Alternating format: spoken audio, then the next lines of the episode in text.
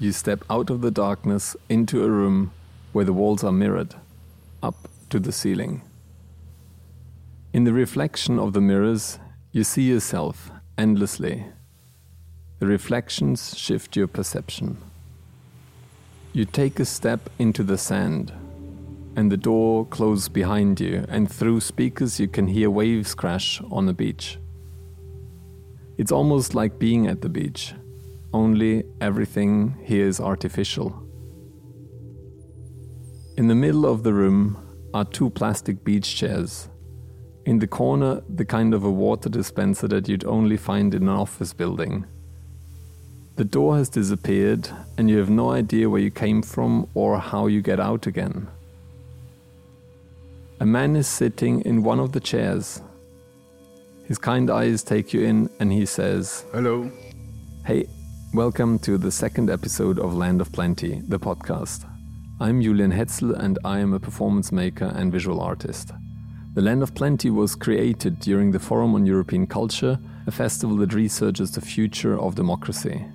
Here at the Balie, we created this art installation called The Land of Plenty. Over four days, interviews took place in this box of self reflection with people in power in an attempt to shift the perspective. We invited alternative experts to moderate these conversations. In this episode, you're going to listen to Miguel, who interviews journalist and political commentator Ece Temelkuran and author Jaap Scholten. When entering the room, they had no idea whom they would meet or what kind of questions were waiting for them.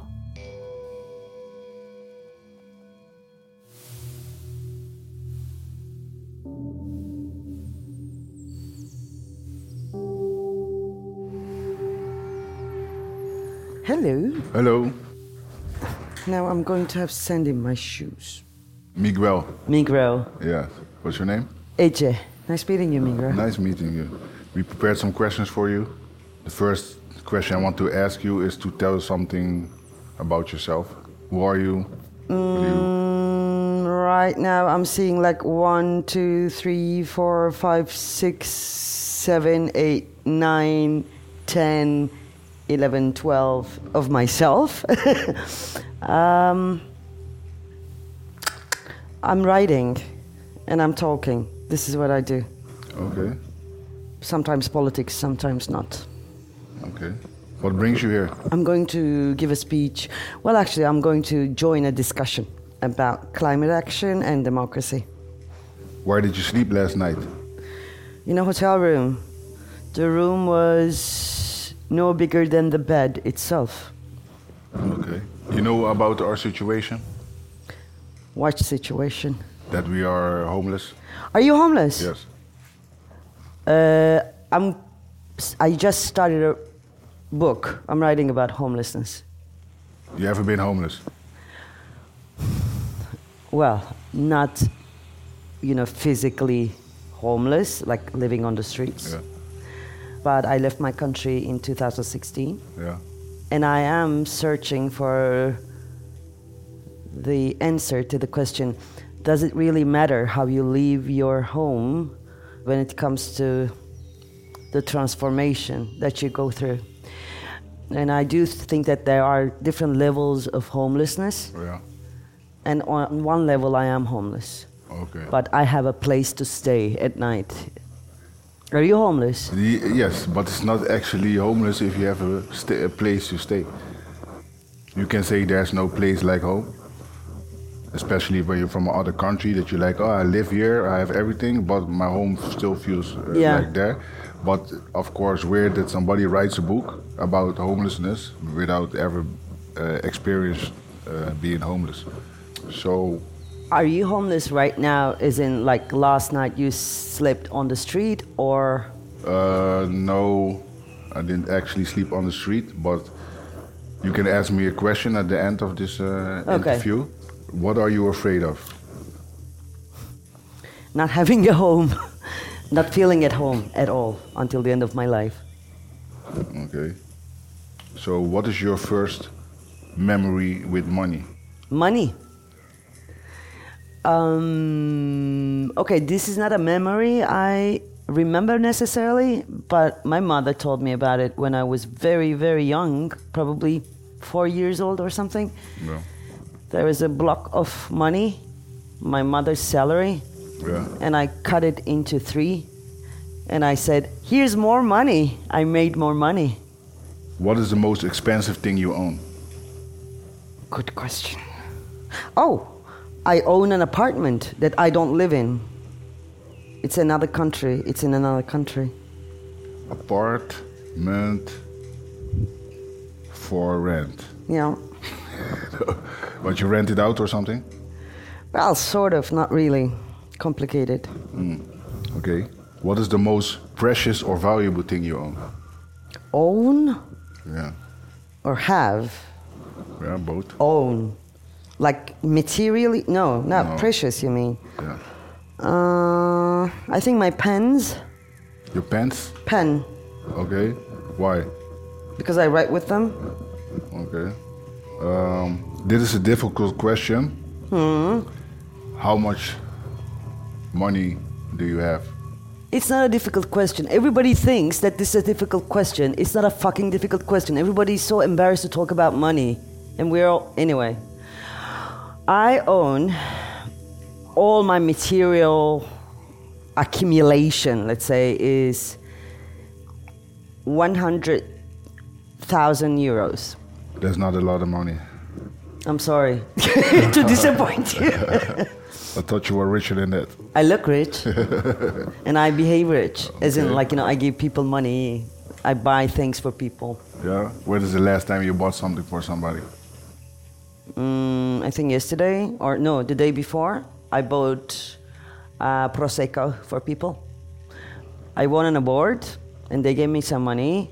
So part of that money for three months will go to Prosecco only. I'm buying people Prosecco Okay. whenever I can. Nice. Can you tell me about your brokest moment, your economic rock bottom? Oh, rock bottom, yeah, I can. Uh, I was 24. Uh, in one week, I got divorced, I got jobless, and I lost my place to live. Uh, so, in one week, I was penniless, and I remember buying water even from a grocery shop, saying that, like, you know, can you put it on my tap because I don't have money. So how it made you feel from having everything to losing everything? super weak, of course, powerless. Yeah. And also, for the first time, I think I really understood how having no money, no power can make you feel vulnerable, like fragile. They can do anything to you if you don't have power. Didn't you feel free at a certain uh, moment? Like, I'm Free? glad that, that I'm that I- Liberated. yeah. I did journalism, sometimes in war zones and so on. You know, I, I remember the feeling of being liberated, th- that there is nothing protecting you. It was that kind of liberation, but having no money, no, it wasn't liberation. Okay. Not in this world. What does the land of plenty look like, and can you describe it? I can see it. I mean, um, this supermarkets or big shops is quite terrifying to me because there are too many things, too many options. So in the land of plenty, there are less options. So we don't have to think about things and we share things. We exchange things without money. Okay. Nice answer. Thank you. Where's the land of plenty now, today? When friends are around, when we're eating together, it seems like everything is plenty. Okay. What does hope mean to you? Hope? I don't believe in hope. I believe in um, determination, having faith, and doing what you can to survive, even when there is no hope. Also a nice one. I wrote a book about that. Is hope uh, a good thing or a bad thing? I think sometimes it's a bad thing because people wait too much this hope to appear. They are using the word to stop and wait, I think, whereas they can do a lot to, to, to survive and for the humanity to survive. What is freedom for you? And when do you feel free? When I know that I have another year of residency permit in the country I live, I feel free. But on a more emotional level, I think I feel free when I speak my mother tongue with my friends, with my good friends. Okay. Is there a place that you would like to go, but you can't? Yeah. My country, Yeah. Which country was that again? Turkey. Turkey. And there's war there or something? Or- No, it's just too a little bit dangerous for me. Okay, because Political of your reasons. pen. How long was the longest time that you didn't eat? And why?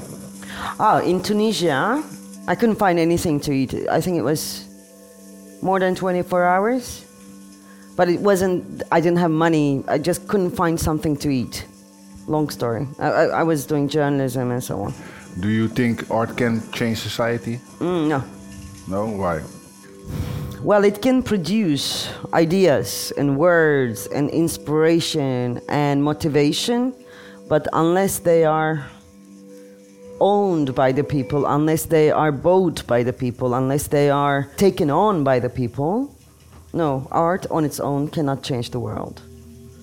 So uh, we came down to the last question, final question, and uh, you can ask it to me if you want to. Where did you sleep last night? I sle- slept in a house from somebody who moved, and the house is uh, like two weeks available still. So that's where I slept. What is not my house? There's no furniture or uh, stove or something. No lights. Did you feel angry when I said I feel homeless as well? No, No? no. I felt like that. Uh, I have to uh, show you a little bit from my perspective. And uh, no, it does not make me angry. What do you think I should learn most? just to talk more with people, I think, see it from their perspective, especially when you write a story. You could go on the street, let's say, for, hey, I'm gonna uh, follow you for a week on the street, I'm gonna eat what you eat, sleep where you sleep. And then you will write a f- better book, I think. What's your biggest fear? Being forgotten. Thank you. Thank you. It was Thank amazing you. meeting you. Pleasant to meet you too. Wow.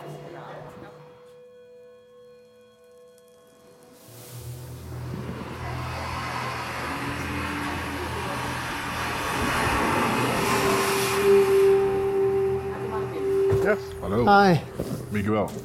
How are you doing, man? I'm doing well. We prepared some questions for you. Good. The first question would be, uh, yeah, to tell something about yourself. I'm Jaap. Yeah. Nice to meet you. I Jaap. live I live in Hungary. I'm a writer. You live in Hungary. Yeah, I have three sons, and um, well, that's it about. Yeah. Yeah. Did you were born in Hungary? No, in Netherlands, Okay. in the east. Where did you sleep last night? Here in Amsterdam. A hotel or something, or No, no. In uh, we have a, a place here. okay, a, a second house or something. Yeah. Okay. You know about our situation? No. No. Okay. We are homeless. Yes. So for, for me, it's like you have two places.